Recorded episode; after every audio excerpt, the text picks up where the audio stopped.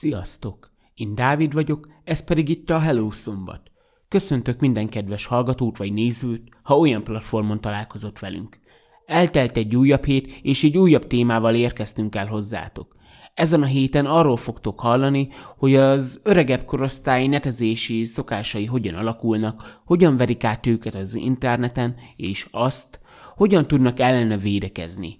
Igaz, hogy ezen a héten a téma rájuk sarkítódik ki, de azért érdemes lesz más korosztálynak is végighallgatni, hogy segíteni tudjon nekik, vagy ha hasonlóba találkoznának, tudják, hogyan kell le reagálni. Napjainkban is megtalálható az a sztereotípia, hogy az idős emberek tehetetlenül állnak az internet újdonságaival szemben. Az emberek manapság is úgy gondolják, mármint az emberek többsége, hogy ha idősekről van szó, akkor ők nem tudnak bolyongani a világhálón az ügyben, hogy megtalálják, amit keresnek, ami érdekli őket. Ezzel szemben több nemzetközi kutatás rávilágított már arra, hogy az új közegben, amit az internet megjelenése és a térhódítása előidézett számukra is, a jártasságuk jelentősen növekszik. Ezt úgy képzeljétek el, hogy gyakorlatilag elmondható, hogy őket tekinthetjük a leggyorsabban fejlődő szegmensnek az internet világában. Most lehet többen elkapcsoltak, mások pedig kérdéseket tesznek fel önmagukban. Vajon miért tekinthetőek ők a leggyorsabban fejlődő szegmensnek? Egyrészt azért, ugyanis gyakorlatilag amikor berobbant az internet, ez a szegmens már a 40-es éveiben járt. Tehát javában szülő volt, egyesek talán már nagyszülők is. Így gyakorlatilag meg lett felnőtt személyként kellett nekik feltalálni magukat ebben az új közegben, mármint amit az internet előidézett, mind a munkahelyeken, mind pedig a mindennapi, vagy talán a hétköznapi ügyintézésben. Másik indok talán az, hogy sok fiatal távol él a családi fészektől, és az idősekről tudni illik, hogy szeretnek állandó kapcsolatban maradni a gyermekeikkel és az unokáikkal. Tehát így mindenféleképpen elmondható, hogy az idős emberek szeretik az internetet használni, mert az is megfigyelhető, hogy az idős emberek naponta többször is rácsatlakoznak az internetre, és akkor akár több órán keresztül is használják. Viszont ebben semmi probléma nincs. Az internet nyílt, és mindenkié, így bárki bátran rácsatlakozhat. Viszont azért néhány biztonsági tényezőre érdemes minden korosztálynak figyelnie az interneten. Amióta internet létezik, a bűnözők is újfajta területre érkeztek. Míg akár még a mai 20-as éveikben járó emberek is tudják, gyermekkorukban még jártak az úgynevezett házalók, akik silányabb termékeket, olykor eléggé jó minőségű termékeket próbáltak eladni a házaknál. Azonban, amióta az internet megjelent, azóta pedig az interneten érkezik szinte megállíthatatlanul a különböző eladók hirdetései.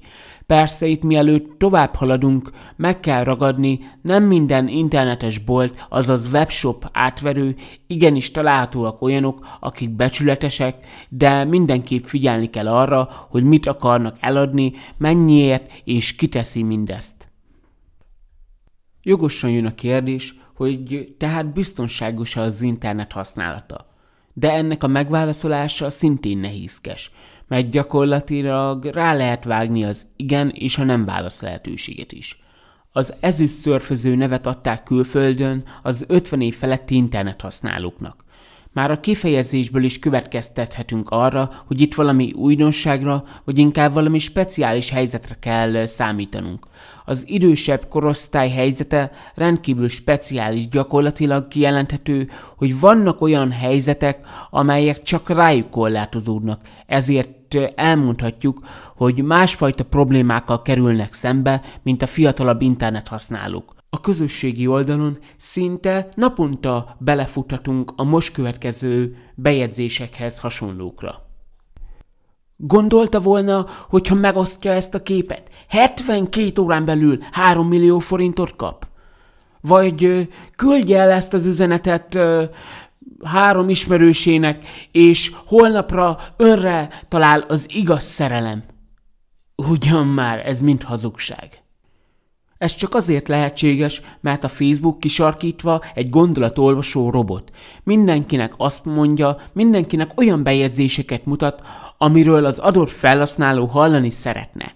A hírfolyamunkat annak alapján állítja össze a rendszer, hogy miket lájkolunk, mire kattintottunk sokat, és mire kommenteltünk gyakran. Tehát gyakorlatilag bezár minket egy olyan kis világba, ahol csak olyan emberek élnek, akiknek az érdeklődése hasonló a miénkhez. Illetve számos olyan tartalom is található az interneten, amely arra megy rá, hogy az idősebb korosztály zsebébe nyúljon és pénzt szedjen el tőlük. Az interneten nem szabad feltételezni azt, hogy egy idegen személy megbízható.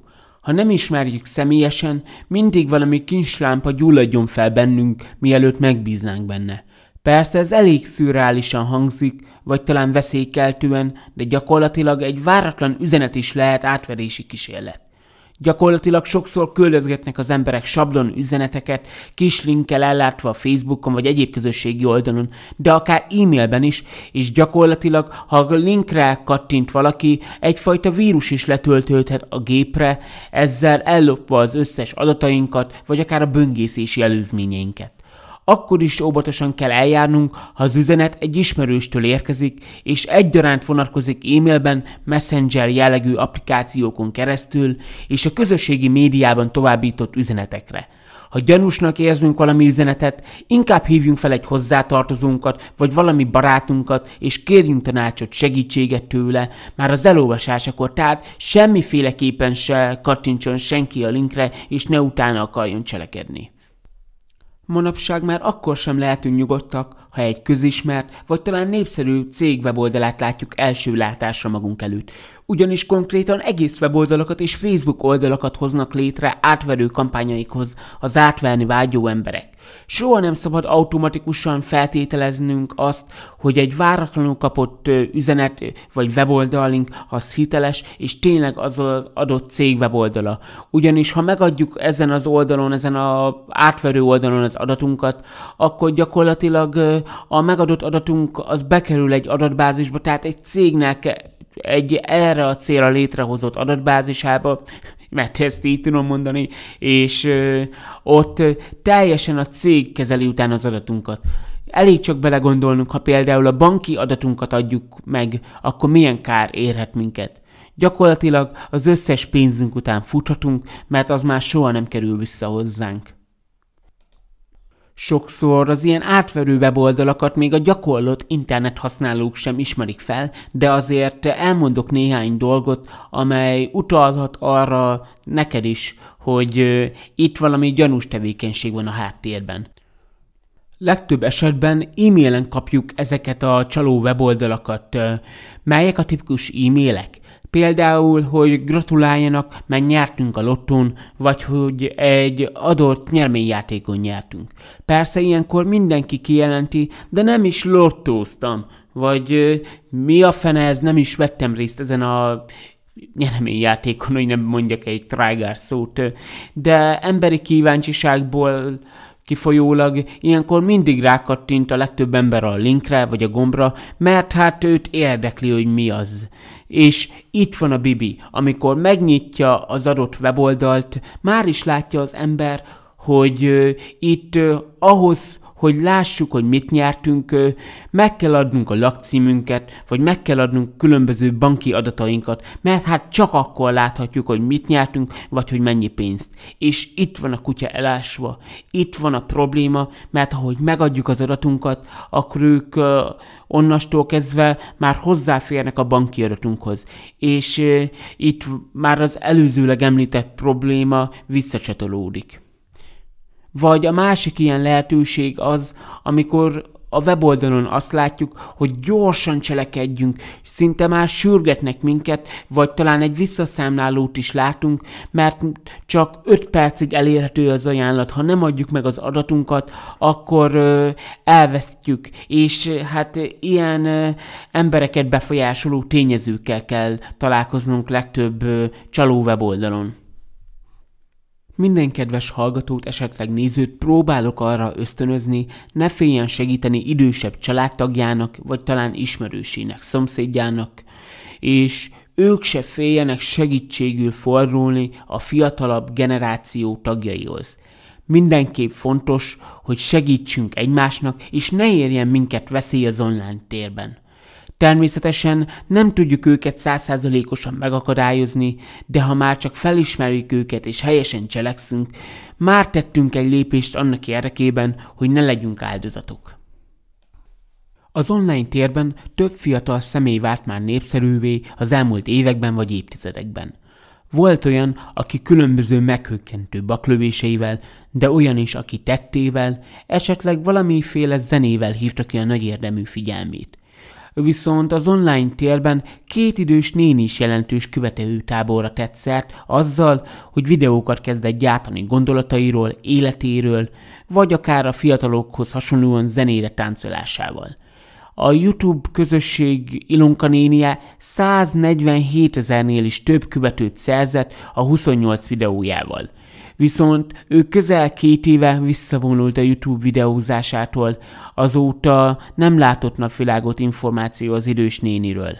Viszont reméljük jó egészségi állapotnak örvend a néni míg a TikTok alkalmazásban Marika néni váltott hírnevet magának. Ő ott zenére táncol, vagy néhány videóban a gondolatairól beszél nektek. Ez gyakorlatilag azért lehet ennyire népszerű, tehát az idősek azért népszerűek az online térben, mert így a fiatalok talán kicsit közelebb kerülhetnek az idősebb korosztályhoz, mert jobban megismerhetik akár a nagyszüleik gondolkozását, vagy akár hogy milyen problémákkal szembesülnek ők a hétköznapok során.